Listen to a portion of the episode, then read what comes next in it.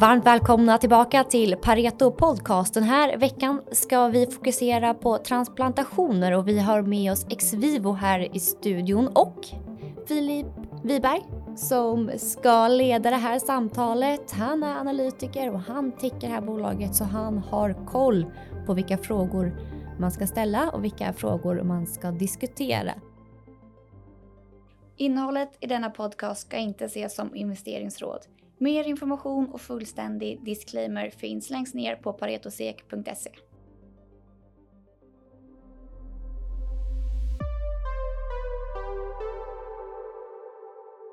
Men innan jag lämnar över ordet till eh, Filip och Kristoffer Rosenblad, vd på Exvivo, så tänkte jag dra hisspitchen för er.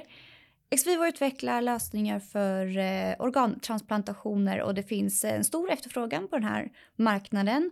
Efterfrågan är ungefär tio gånger högre än nuvarande utbud och vi tycker att Exvivo är, de är väl positionerade och de har ju eh, produkter inom alla stora organ för transplantation, nämligen lunga, hjärta, njure och lever.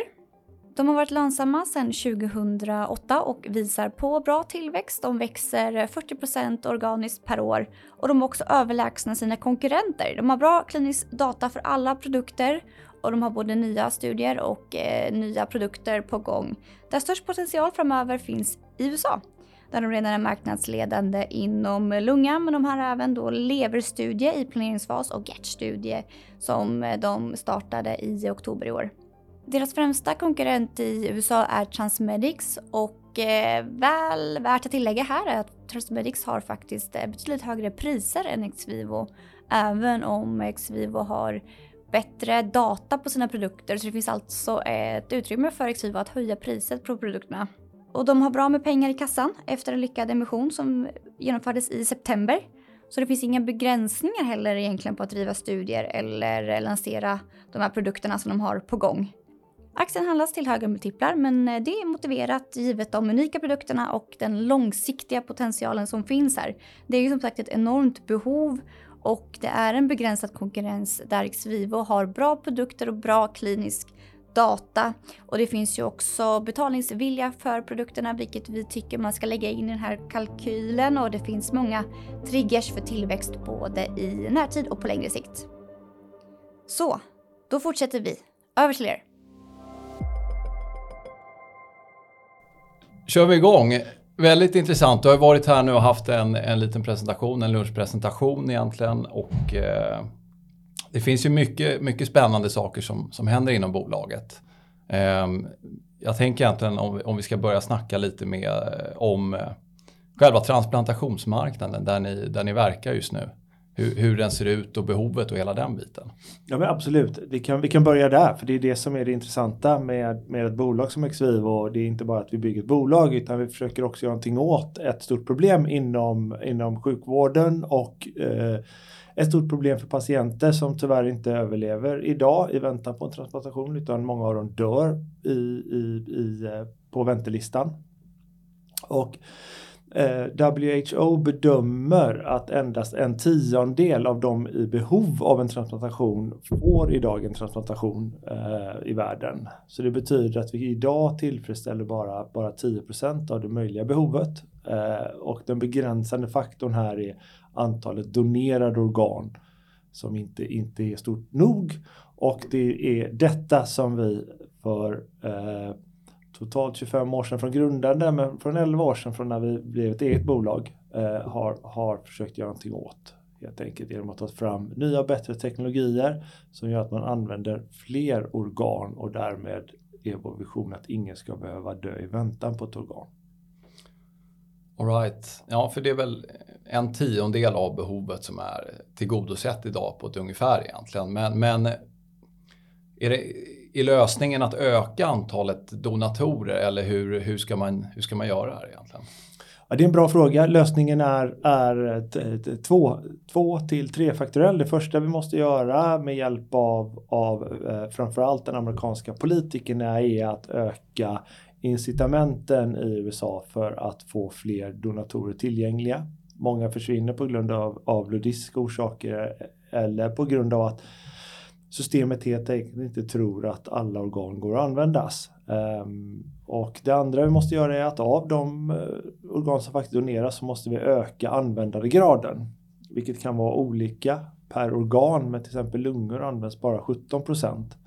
Och när jag pratar med ledande kirurger i USA så bedömer de att man borde använda upp till 50 procent av, av de donerade organen. Um, det tredje vi måste göra är att frigöra tid på, på, uh, i kirurgteamen så att de helt enkelt spenderar mer tid att transplantera organ och uh, mindre tid med att åka hämta organ. Och, och uh, så där kan vi också vara behjälpliga med våra servicemodeller. Mm.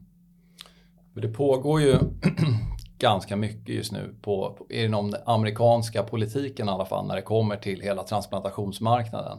Och du har nämnt att det är Trump, eh, vad var det, 2019 tror jag, som, som tog något beslut om egentligen. Det kostar väldigt mycket med, med, med njure framförallt var väl fokuset då på. Eh, och dialys och hela den biten och att någonting måste göras. Och där är ju transplantation en, en klart, ett klart billigare alternativ då. Eh, så det vore lite intressant att, att, gå in på och snacka vad, vad det är som pågår och vad det är som har hänt och vad det är som ska ske. Eh, och sen prata lite om hur det kommer gynna er. Ja, nej, men det är intressant. Det, det, är inte politikerpodden, men här så är det viktigt för att eh, sparka igång ett system så behöver man ha med sig politikerna. Och vi, vi ser att vi nu har det. Och bakgrunden är som sagt att Trump eh, var väldigt upprörd över eh, framförallt njure och dialys stora andel av, av Medicare-budgeten. Eh, njur, njursjukdom står bara för 1% av incidensen men 7% av hela Medicares budget och han vill helt enkelt spara pengar. Och eh, det här är någonting som idag sker i senaten och kongressen där det skett senatsförhör med eh, företrädare för transplantations eh, det som heter OPO eller Organ Procurement Organizations där, där de har först riktat in sin ansträngning att få ordning på infrastrukturen vid organtransplantation. Och eh, vi ser redan nu utan att nu har man signerat lagar i år, men innan det så har vi sett kraftig tillväxt på antalet donatorer bara på senaste två, tre åren. Eh, där vi i Europa har sett en mer eller mindre eh, nästan, nästan stagnant utveckling eller en, en, en, liten tillväxt i antalet donatorer ser man i USA att det växer kraftigt med nästan 20 procent eh, i, i 2022 och 2021. Och eh, förutom det här ska jag nämna att, att, eh, när jag pratar med mina amerikanska kollegor så säger de att det finns ett, ett enda issue i USA där demokrater och republikaner kommer överens och det är just att det här är någonting vi måste göra någonting åt. Antalet transplantationer och få ner kostnaden för, för vad vi kallar end stage organ failure. Så det gäller ju alla organ, men njurar som det som tar mest pengar idag. Mm. För det har ju varit ett system som har varit konstant i ganska många år. Det är väl egentligen sen, det har väl varit någon slags monopol där sen, sen 1984, 1986 någon gång va? Ja, bara, hur, hur, hur är det systemet ser ut egentligen? För det är väl någon på toppen och sen så har de här OPO som ligger under och transplantationsklinikerna. Men hur, hur hänger allting ihop där egentligen? Ja, det är sant. Eh, det, det, det, finns ju två, som sagt, två organisationer som styr organdonation i eh, i USA. Och eh, systemet ser ut att en sköter datainsamling och en annan sköter själva eh, organhanteringen och allokeringen av organ. Och eh, det första problemet som senaten såg var att eh, styrelsen det sitter samma styrelse i båda eh, så att det finns ingen, ingen eh, mm. oversight över dem. Det andra är att de här två organisationerna delat in landet i ungefär 50 tårtbitar som stämmer ganska väl överens med, med antal delstater men det kan vara lite olika beroende på hur mycket folk som bor i, i, i varje område. Och alla de här 50 organisationerna har i stort sett ett monopol inom sin geografiska area och har inga incitament att öka antalet transplantationer.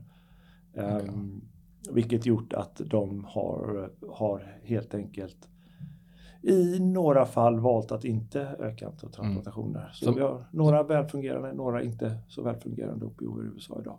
Så monopolet är egentligen att det, det, är ingen annan som får hämta organ inom, inom deras område egentligen? Ja, precis. Det, ja. Så monopolet är att ingen som får allokera de här organen. Okay. Så de väljer både vilka som, eh, vilka som ska, ska hur många donatorer det ska finnas och, Mm. eh, och ibland då kommer det också påverka hur många, hur stor väntelistorna är. Mm.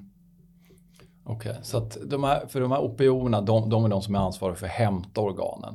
Och sen så ska de då allokera ut dem till alla de här transplantationsklinikerna. Då. Men, det, men de, det har inget speciellt om, begränsning gällande område och så, eller? Det, det första som skedde eh, i den här, det var att man har tagit bort hur långt man kan resa för ett organ. Innan så fanns det geografiska bestämmelser. Nu har man eh, gått mot något som kallas natural allocation. Det betyder i, i teorin i alla fall att ett organ i USA ska kunna eh, allokeras var som helst i USA. Mm. Det spelar ingen roll vilket område det är. Utan det ska gå efter den bästa matchningen och det största patientbehovet. Så det är den, den första. Ehm, det sköts, fortfarande sköts allokeringen och det är rätt på grund av etiska skäl så måste allokering ske av en, av en tredje part, en OPO i det här fallet. Ehm, men de kommer nu utsättas för ett, eh, en konkurrens av varandra. Och eh, det är det andra som har skett nu och eh, blivit inskriven i, i, i lagen helt enkelt. Mm. Och, hur, och den konkurrensen har inte funnits tidigare då alltså? Nej, den konkurrensen har inte funnits. Okej. Utan, eh, du, har, du har jobbat inom ditt område så har du fått eh, i stort sett allokera ut de organen du såg som nödvändiga. Mm. Det har inte funnits i, i organtransplantationssystemet så mellan OPOer och eh, kliniker har, det, har vi inte heller haft samma mätetal och samma KPI. Så att eh, Mm. OPOer har mätts på, på en sak och eh, eh, transplantationskliniker på en annan. Så att vi, vad, vad senaten och kongressen också gör är att de likriktar eh, helt enkelt mätetal och KPI hur man ska utvärdera, utvärdera alla Mm. som är i en värdekedja för en organtransplantation på samma metrics. Okej, och, vad, och vad har de metricsen varit och vad ska de bli nu? Eller har, har nyss blivit? Eh, de har varit innan så har OPO-erna mätts på hur, hur många donatorer de kan få fram men inte på hur antalet organ som kan transplanteras. Eh, klinikerna har mätts på egentligen bara outcome, eh, ett års överlevnad Mm. och 30 dagars överlevnad. Nu håller det här på att ändras, att man likriktat så att eh, nu kommer båda eh, OPOer och kliniker att mätas på, på flertalet. Men de absolut två viktigaste mätetalen är tillgängliggörande av fler organ och ett års överlevnad. Så Mhm. det är de två viktigaste metrics som kommer nu att eh, leda både OPO och, eh, och eh, transplantationsklinikerna.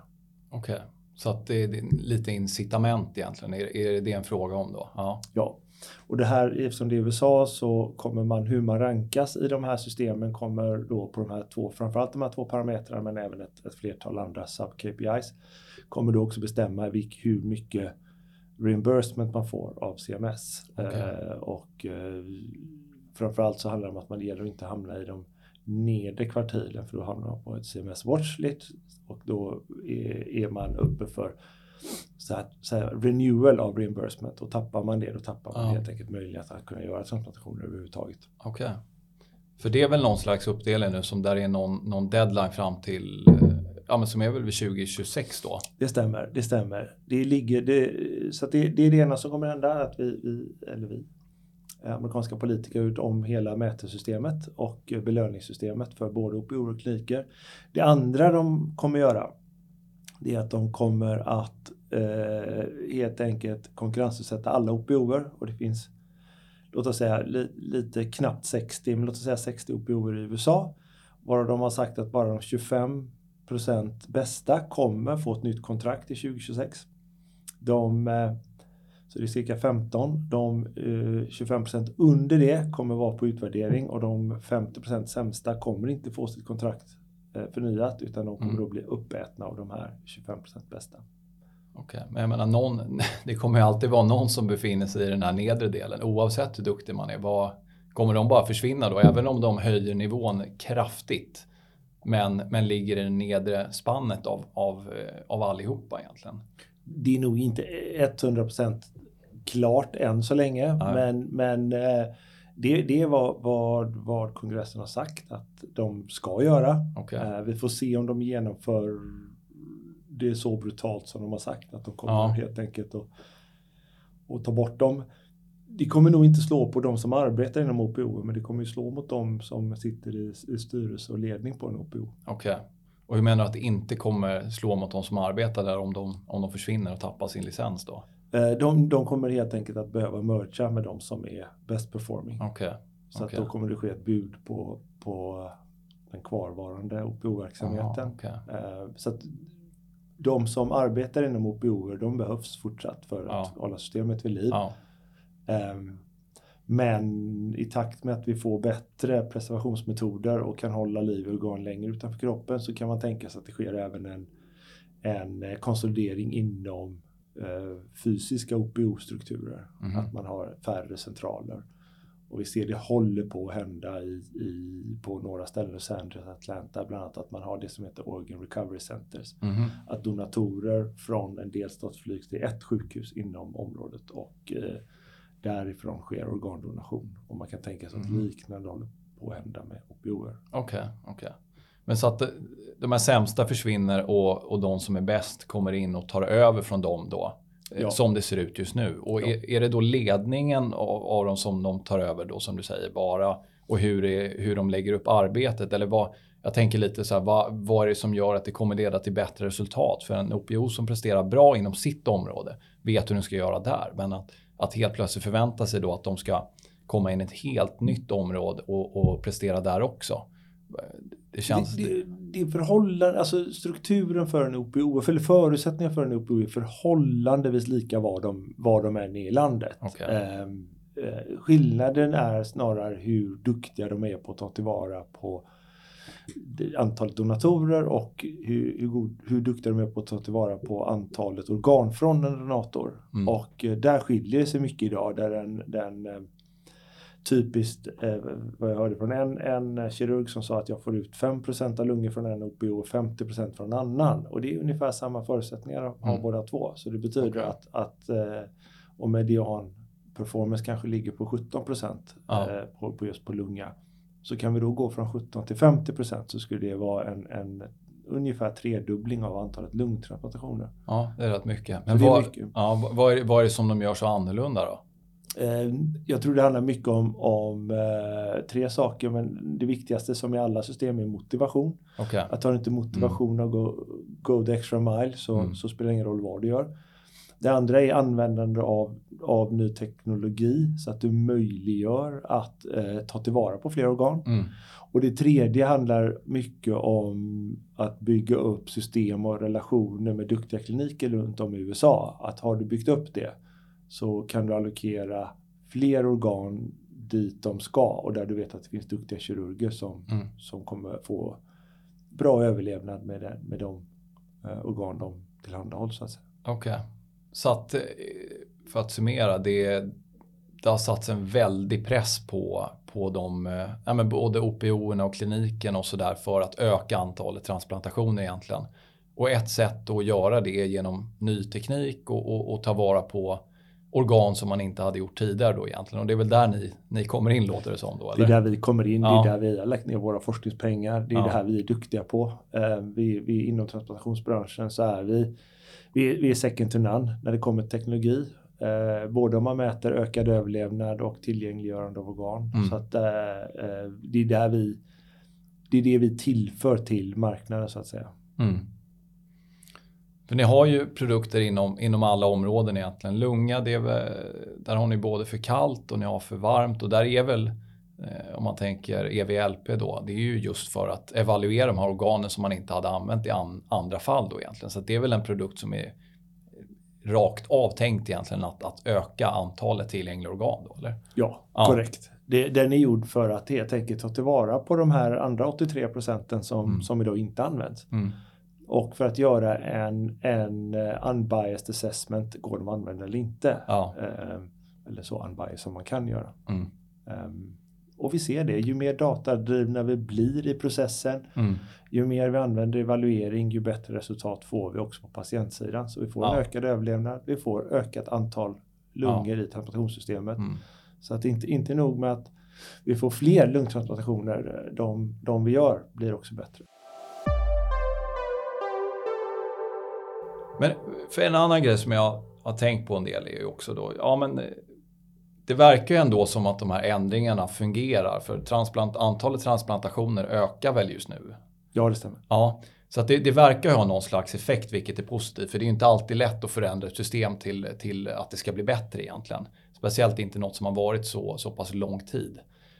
Um, men om man då helt plötsligt ökar antalet tillgängliga organ så finns det väl inte ett system som klarar av att hantera det här egentligen. Om man tänker, det finns ju, det tar en stund att utbilda en, en transplantationskirurg och de har väl inte superlätt just nu heller. Nej, det stämmer. Det stämmer. Så nästa, den, den stora pucken som vi måste ta oss över det är ju OPO-strukturerna som kommer att och, och sker nu under de närmsta tre åren. Nästa stora puckel blir på kliniken där, där det är så att med nationell allokering så har transplantation, eller tiden från eh, vad ska vi kalla det, donation till transplantation har ökat från 23 till 29 timmar mm. i USA. Och det här gör att en duktig transplantationsklinik kan göra cirka 100 hjärtan eller, eller 100 lungor då med två team per år. För du orkar göra en var tredje dag, mer orkar du inte. Mm. Så där är vår nästa eh, utmaning, det är att ta bort 25 timmar från eh, transplantationskliniken så att de kan fokusera på det de gör bäst. Och det är slutevaluering och framförallt transplantation i och med att det är ett kirurgteam. De är duktiga mm. på, på kirurgi och, eh, och aftercare efter patienten mm. efter kirurgi. Och det är det de kan och det är det de ska göra bäst. Och eh, där så har vi riktat in mycket av våra, senaste, våra två senaste uppköp och mycket av vår energi idag går till att eh, ta bort de här 25 timmarna från, från transplantationskliniken så att de kan mm. fokusera på det de tillför värde. Och då hoppas vi att vi kan möjliggöra med samma kapacitet som finns i systemet idag, om man gör en var tredje dag, eh, när det tar 29 timmar så kan de göra kanske tre om dagen om det tar 4 till 5 timmar.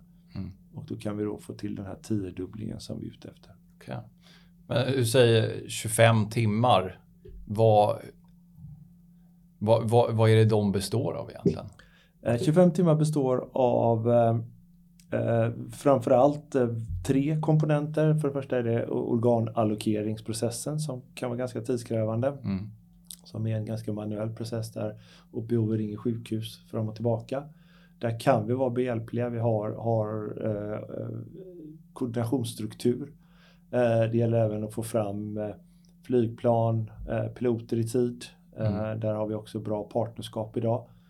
Ehm, det andra är rent fysiskt flyga ut till donatorsjukhuset och göra procurement på organet och flyga tillbaka till mm. patientsjukhuset. Som tar mycket tid och kraft idag. Och det tredje är helt enkelt att köra den, de maskinerna som leder till att man kan då få bättre resultat på patientsidan, öka tiden utanför kroppen och så vidare. Kräver perfektionister med kunskap. Och kan vi tillhandahålla det så tar vi bort mycket av de här 25 timmarna. Så det är framförallt de tre områdena som vi okay. kan vara behjälpliga med. Okej, okay, för det bara för att förstå det här. Det, är, det är OPO som har själva ansvaret för att hämta organen då? Eh. Lite olika. Ja. I, de, de, de, de OPO idag sköter allokering av organ okay. och i njurfallet väldigt ofta även, även man säger, pumpa, pumpa njurar. Okay. Att de lägger dem på maskin. Mm. Eh, de, de som har ansvaret att hämta organet faller väldigt ofta på kliniken. Den som ska göra själva sluttransplantationen då, ja. in i recipienten? Ah, ja. okay. Så kirurgen är ju slutansvarig för patientens överlevnad ja. och vill i, i alla fall i, i hjärt-lungfallet eh, ibland på lever också ha full kontroll på hela processen och, och vill då flyga ut okay. och hämta det själv. Mm -hmm. okay. eh, och det är där vi bygger upp en, en struktur nu när vi kan ja. med, med, med ett kvalitetssystem som gör att vi kan kvalitetssäkra och faktiskt få bättre resultat än om man skulle skicka sina egna kirurger. Okay. Om man skickar våra kirurger. Okay.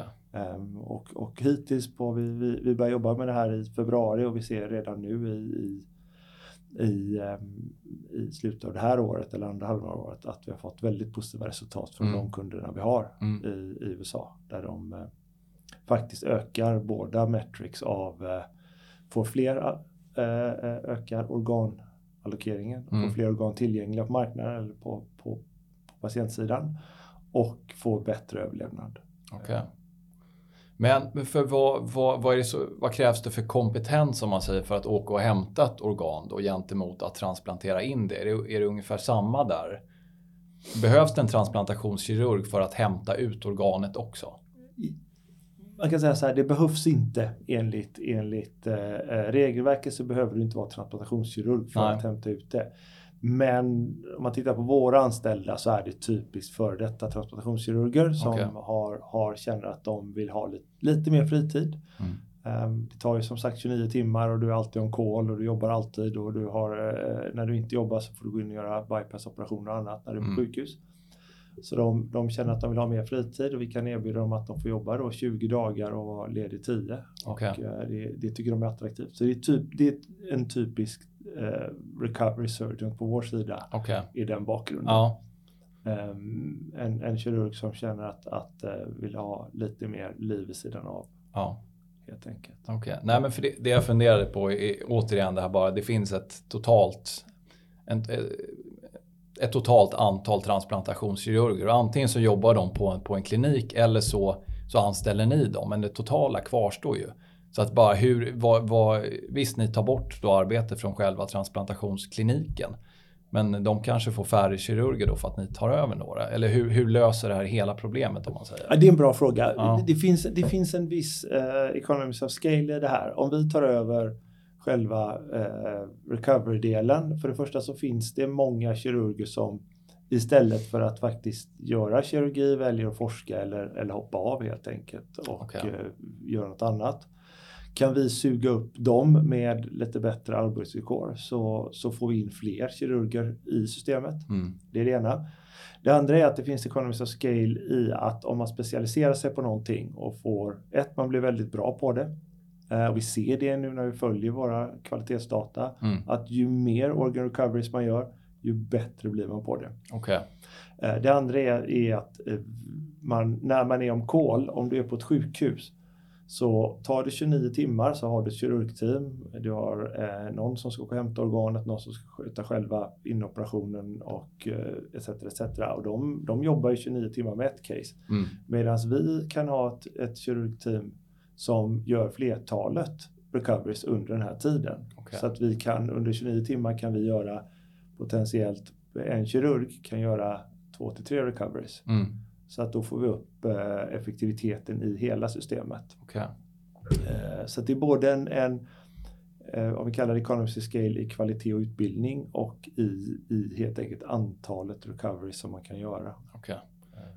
Det låter ju egentligen inte som att det finns så mycket, så, så många alternativ till att eh, till att ni ska, ni eller andra bolag har sådana här serviceerbjudanden egentligen. Det känns ju inte riktigt som att det är möjligt att systemet som det är idag kan inte riktigt hantera om det totala antal, antalet transplantationer ökar så drastiskt egentligen. Så det känns ju nästan fullständigt nödvändigt att ni, ni går in i det här. Ja, det stämmer. Ja, Vi, vi, vi vet ju att vi måste minst tiofaldiga antalet transplantationer Ja. för att, för att till, tillgodose eh, det behovet som finns idag. Mm. Och om vi ska tiofaldiga det med, med dagens antal kirurgteam så måste vi gå in och stötta dem ja. med de här 25 timmarna. För det, Ja. det går inte att tiodubbla annars. Nej. För nu, ni köpte Star, Star Teams där i USA då. Ehm, och de är väl helt integrerade nu, eller? Ja, nu är de fullt ut integrerade. Ja. Re- Ja. Recovery Services Okej. heter de. XVIO Recovery Services. Ja. Det är det man får börja kalla dem nu för tiden då. Jo. Ja. Det stämmer. Men, men för som jag har förstått det tidigare så är inte de egentligen, eller de är väl mer specialister på, på hjärta och så va? Eller? Hjärta och, Thorax, hjärta och lunga. hjärta och lunga, okej. Ungefär hälften hälften görs Ja. idag, lungor och hjärtan. Okej, Ehm, så att de är specialiserade thoraxkirurger. just det. Ehm, duktiga thoraxkirurger. Ja, Ehm, som, eh, och vi har ganska bra på, på östkusten där vi är. Om man tar från eh, ja, i stort sett lite, lite öster om Chicago ner till eh, lite öster om Texas så har vi 10% både av alla hjärthämtningar och alla lunghämtningar idag. Okej. Så vi har en bra market coverage där. Mm. En, bra, Okej. en bra startpool Ja. eh, för, för att eh, bygga upp en bra serviceorganisation. Okej. Ehm, och vi måste naturligtvis växa där vi är på östkusten. Ja, Där två tredjedelar av alla organhämtningar och transplantationer sker. okej. Och sen måste vi växa så att vi har en, en full coverage också i Texas och Mm. eh, Kalifornien. Mm. Okej. Nej, men eh, för hjärta, ni- där har ni, ni, ni är ju inte godkända för hjärta i, i USA än med er box då egentligen. Nej, det stämmer. Men eh, så att vad, vad är det de använder nu? Är det en beer cooler de transporterar? då, Oftast eller? är det en beer cooler Ja. som vi använder idag. Ja, okej. Eh, och, och tanken är ju att vi ska byta ut det. Ja, Nu får vi, när vi åker och hämtar organ så har vi en diskussion kirurg till kirurg om hjärtats kvalitet. Eh, Den kommer ju underlätta om vi har våra egna kirurger som pratar kirurg till kirurg och säger vi har Ja. mycket bättre produkt än Ja. den här gamla picknickboxen med is i. Sen har ni bra grejer. Ja. Ska vi testa med den? Och, eh, eh, då, då brukar det bli en kirurg till kirurg diskussion. Okej. de, den är mycket lättare att ta än om våran säljare säger det. För det, vad, vad, jag bara tänker då, för ni, ni har inte den godkänd än, men när väl det sker, hur mycket kan det boosta? Alltså den här kombinationen av service tillsammans med egna produkterna, hur mycket boost ger det egentligen till, till det totala? Det är en jättebra fråga. Eh, Svårt, svårt att svara exakt på den idag. Men jag, jag, vår tro är att vi måste lösa båda problemen för kirurgteamen. Det ena är att vi måste få ökad överlevnad på patientsidan och bättre organkvalitet. Och det gör hjärtboxen. Mm. Eh, Vi måste öka vad ska säga, sömnen för kirurgteamen och Ja. eh, ta bort tiden och det gör vår service. Så att vi tror att kombinationen av det här kommer möjliggöra att vi får både ökad tillgänglighet, ökat antal transplantationer Ja. och ökad överlevnad på patientsidan. Mm. Okej, för då, då har ni ju egentligen lite tid att bygga ut det här erbjudandet också tills att ni får godkänt det här för hjärta och lever. Eller att ni förhoppningsvis får det då i alla fall. Men, men vad, vad, vad är planerna framöver där? Vad är det som behöver utvecklas tills, tills att de är på marknaden? Eh, när, det när det kommer till eh, hjärta så kör vi Ja. en studie idag. Eh, där vi har kört i Australien och Europa har det gått väldigt bra. Eh, fått väldigt bra kundfeedback från de här studierna. Mm. Så vi kör den idag. Vi ska göra 141 patienter på 20 kliniker. Eh, och vi har påbörjat det nu i oktober eh, i år. Så att vi, vi kör på. Vi håller på och inkluderar fler kliniker nu eh, i, Mm. i december. Så att när den studien är färdig så ska vi mäta ettårsöverlevnad och sen eh, kommer vi sitta ner med FDA för att få ett godkännande Mm. helt enkelt ehm, på den. Men det, det goda i kråksången är att vi, vi får redan sälja under studien Mm. till, till eh, så att de här 141 patienterna kan vi, kan vi till och med ta betalt på. Mm. Ta betalt för säger man. Okej. Och jag tänker just, just servicedelen. Vad, vad, är det, vad är det där som måste göras fram till så att ni får lever och hjärta? Är det, är det någonting som behöver utvecklas väldigt mycket? Eller, jag menar, om, om man ser till största konkurrenten Transmedics där, de, de köper ju flygplan och grejer. De gör ju enormt mycket. Jag tänker, vad, vad är det ni måste få på plats? För de, de leder ju lite vägen i det här och visar att det, det behövs egentligen också. Ja. Vad är det ni behöver få på plats tills att ni lanserar där? I, i korthet Eh, tre, tre saker i, i, i korthet varav de två första är, är eh, två sidor på samma mynt. Men det är att vi måste få, få kontrakt för de studieklinikerna vi har i Hjärta så att vi bygger upp en relation och ett bra kommunikationssystem mellan våra kirurger och kirurgerna på, på, de här, på klinikerna som är i studien. Mm. Ehm, Det andra är, och det ges ju också av studien, att, att många av våra studiekliniker ligger på västkusten där vi inte har närvaro idag med Xvivo Recovery Service. Så vi måste ha en, en hubb där. Vi har tre Okej. hubbar på, i, i östra USA. Vi måste Mm. ha minst en till två hubbar i Kalifornien. Mm. Eh, och det följer av samma logik. Eh, sen är det tredje vi måste göra är att bygga ut erbjudandet till alla, alla former av, av eh, hjärtrecovery och vi gör det idag genom att bygga till en service som heter eh, NRP, som man använder inom, som är ökande inom eh, hjärttransplantation Mm. för DCD. Och det är helt enkelt att man gör en evaluering i, på donatorsidan och sen transportera med våran box. Okej. Eh, Så det måste också ingå i vårt serviceerbjudande och vi Ja. har börjat med en kund Ja. och så ska vi ta vidare till fler kunder. Okej. Hur många är det som jobbar inom den här service? Hur många anställda har ni inom servicedelen just nu? Eh, Vi är cirka 20 Ja, eh, personer. Eh, Några, är på kontraktsbasis, några är fulltidsanställda till Okej. kirurgsidan. Eh, Sen har vi tre koordinatorer och, och, och det som heter assistant surgeons, eller de som hjälper Mm. till, hjälper surgeons. Ja. Okej. Och om man tänker på västkusten, behöver ni lika många där eller hur många, hur många extra som skulle behövas så? Nej, vi har, vi har ju så att säga in, infrastrukturen är på plats eh, så man behöver i en, eh, om vi bygger upp en hubb så behöver du cirka 4 till 5 personer eh, beroende Okej. på hur, hur stora volymer hubben har. Men Mm. du behöver eh, två kirurger eh, och två assistant surgeons eh, Okej. för att fylla en, en månad så att säga. Ehm, och sen behöver du i vissa fall en koordinator också. Mm. Okej. Så det, ja, det finns ju lite tid att anställa de här då tills, tills dess då i alla fall. Ja, absolut. Vi, Ja. har, vi har tid, men, men vi ska inte förspilla tid utan vi ska göra det här så, så snabbt vi bara kan. Ja, det är bra. Ja, ja. Nej, men ni, ni verkar ju ha, alltså framförallt för hjärta så är det väldigt, väldigt positiva resultat än så länge i alla fall då. Det man kan se, det är ju ganska begränsat med antal patienter, men det ser ju väldigt, väldigt bra ut i alla fall. Även med tanke om man jämför då med, med konkurrenter som är väl Transmedics framförallt. Men, Ja. men för ni, ni har väl bara kört på de här DBD-hjärtan, alltså som dött av, av hjärndöd då egentligen. Ja, det stämmer. Jag bara tänkte, för det, i Europa så, så inkluderar ni DCD också. Nej, inte i Europa, men i USA. Nej, i USA. All right. Men går det, om man ser då att det är väldigt bra resultat från DBD-hjärtan, går, går det att översätta på något sätt till DCD? Att det borde väl, det borde väl fungera rätt bra där också då, eller? Ja, det, det, i, i teorin så borde, om det fungerar på DBD-hjärtan så fungerar det bättre på DCD i, i, i teorin. Ja, Att du får tydliga resultat på DCD så att, så att eh, eh, i teorin så ska det till och med bli bättre än DBD. Mm. Och vi har sett eh, väldigt, väldigt bra resultat på DBD. Så att Mm. vi, vi ser ju med, med, med om man säger, tillförsikt fram emot de resultat vi kommer se på DCD snart. Ja. Vi har ju kört lite djurstudier och där ser vi i DCD att det blir väldigt, väldigt bra. okej. Ehm, Så att eh, vi, vi tror att eh, det här kan bli en stor, stor indikation för oss i, DCD-hjärtan i Ja, framtiden. ja. Nej, för ser man Transmedics då är det egentligen tvärtom att de, de har okej för DCD men ganska dåligt för DBD då egentligen. Ja, det är väl det precis. som är anledningen. Ja.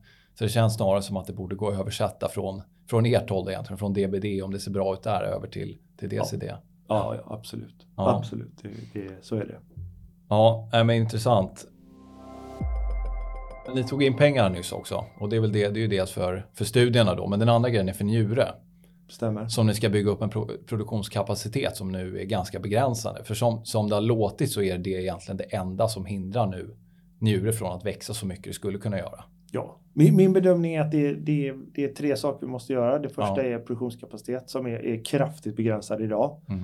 Vi försökte bygga ut den, den vi hade eh, så att säga som var egentligen för clinical trials eh, inom en övergångsfas. Eh, det gick inte alls så bra som vi ville utan nu bygger vi den bygger om den från början och gör den riktigt bra. Automatiserar den eh, fullt ut så att vi kan skala upp den gånger 10. Mm. Ehm, det andra är att vi över tid behöver ha fler, fler säljare i USA. Eh, men det är fortfarande ganska begränsat antal säljare på totalen. Har vi Mm.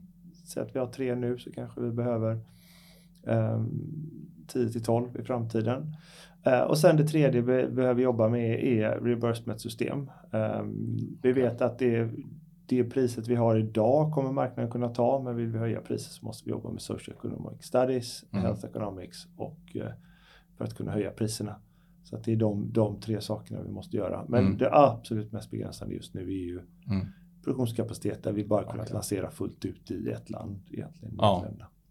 Om du bara spekulerar lite, om ni hade haft fullständig kapacitet, hur mycket hade ni kunnat sälja för då? Nu egentligen? För jag tror att ni, ni hade väl runt 20, 20 miljoner då för, för njure i kvartal tre här nu. Mm. Ja, cirka 10 miljoner tror Var jag. det 10 hade. då? 10, Ja. 10 miljoner.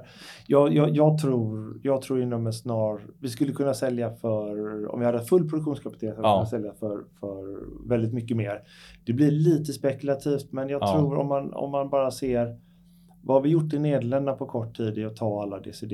Eh, och skulle vi göra samma sak i USA där det är, visst Nederländerna är, är några kliniker och, och en central upphandlare att övertyga. I, I USA blir det ju 50 mm. OPOer, så visst det tar längre tid. Ja. Men skulle vi ha ett liknande där, då skulle vi ha, ha en försäljning på ungefär 8000 eh, njurar om året. Eh, ah, ungefär 5000 US dollar. Så skulle vi prata om en ganska så stor mm. tillväxtmöjlighet där som mm. är svårt att säga exakt hur mycket som det är nu. Ja. Men, men till exempel Hearsay var en kund som ville ta alla sina njurar eh, på vår teknologi som gjorde 500 om året mm. eh, i USA. Okay. Så att, eh, och det kan vi inte göra för vi har inte den produktionskapaciteten just nu. Nej. Så att, eh, eh, vi, vi, får helt enkelt återkomma efter, um, efter juni när vi har, har ser vilken produktionskapacitet, när vi har, vi har i alla fall komponenttillverkningen ska vara på plats då. Ja. Och då kommer vi få, få mm, signifikant öka produktionskapacitet på det. Mm. Okay. Så kan vi återkomma ja. till hur snabbt det här går. Ja, det är bra. Men, men är det, är det OPO som ni säljer in produkterna generellt sett till eller är det transplantationsklinikerna? Eller vem, vem är det man pratar med egentligen? för att... Det, det är faktiskt lite olika men ja. majoriteten av alla njurar pumpas på OPO. Okay. Eh, och över tid, lite på grund av samma orsak som, som att vi måste ta över transplantationsklinikernas 25 timmar, så kommer OPO-erna troligtvis ta över just njurpumpning. Så att eh, man kan säga att majoriteten idag är redan på OPO. Mm. Eh, beslutet är ofta ett sambeslut mellan OPO-erna och klinikerna som, okay. som de inom deras område. Så att det är ofta ett beslut som de tar tillsammans. Mm. Men måste man då prata egentligen med med var, varje enskild OPO egentligen för att få produkterna till, till, till alla egentligen områden då eller? Ja, för att få full marknadstäckning på njurar ja. så måste du prata med alla OPO. Ja, men det är inte samma sak för de andra organen då? Eller? Nej, utan där, där är det eh, framförallt hjärta och eh, lunga drivs mycket mer från kirurgsidan. Okay. Eh, det, är där, det är där beslutet tas ja. för att använda teknologi. I njure och lever i vissa fall eh, så, så tas det från kirurgsidan och i vissa fall från, från OPO-sidan. Mm. Men, eh, men just det gäller att komma igenom i OPO för det är där själva pumpningen sker så att det är där måste finnas bra personal och så vidare. Ja. Ja, det, det är mycket som eh, pågår både gällande det regulatoriska och vad ni håller på med också med studier och, och, och resultat som publiceras och hela biten. Det är mycket spännande som pågår. Så att det, det känns som att det, kalendern är uppbokad i ganska många år framöver egentligen. Ja, det är ja. det. Vi vet vad vi ska göra nästa år. Ja. Vi, vi, och vi sitter inte sysslolösa nu heller. Men, men så det är det. Mm. Absolut. Det är mycket kul som kommer hända. Ja. Men om vi, om vi ska runda av lite. Vad, vad, om du ska summera de viktigaste grejerna ni behöver fokusera på nu här de kommande, ja, men både, ja, men kommande åren egentligen. Ja, man tar först, om vi ska ta det i någon form av, av kronologisk ordning, så det första är att bygga ut kapacitet tillverkning på njure. Mm. Uh, det andra är att få vår hjärtstudie i USA eh, full, included, full included och publicera våra resultat här från Europa och, som kommer att leda till ett godkännande i Europa eller godkännande process. Mm. Om det blir godkänt bestämmer ju Notified Body. Um, det är som att ta hjärtat till marknaden. Det är en otroligt viktig milestone som vi kommer se, uh, ja, se komma, komma till liv här under, under nästkommande år. Um, sen är den nästa stora pucken efter det, det är, det är USA och de här 25 timmarna jag pratat om. Mm. Att vi bygger ut ett bra erbjudande där det finns bra reimbursement-system i grunden som, som uh, hjälper det med en högkvalitativ service och produktlösning som gör att klinikerna får, får tillgång till fler organ och att patienterna får en ökad överlevnad. Mm. Vilket kommer göra att, att eh, sjukvårdssystemet är beredd att betala för det också. Mm. Är det några punkter?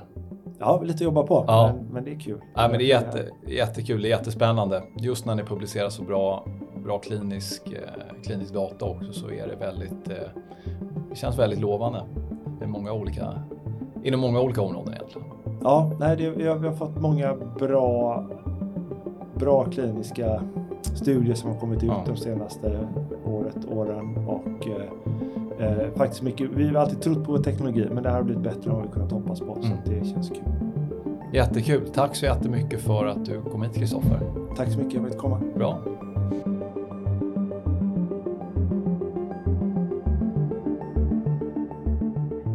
Påminna om att den här podcasten inte innehåller professionella råd och informationen bör inte betraktas som investeringsråd. Handel i värdepapper medför en risk och historisk avkastning är ingen garanti för framtida avkastning. Bright Securities är varken rättsligt eller ekonomiskt ansvarig för direkta eller indirekta förluster eller andra kostnader som kan uppstå vid användning av information i denna podcast. Mer information och fullständig disclaimer hittar du längst ner på paretosek.se.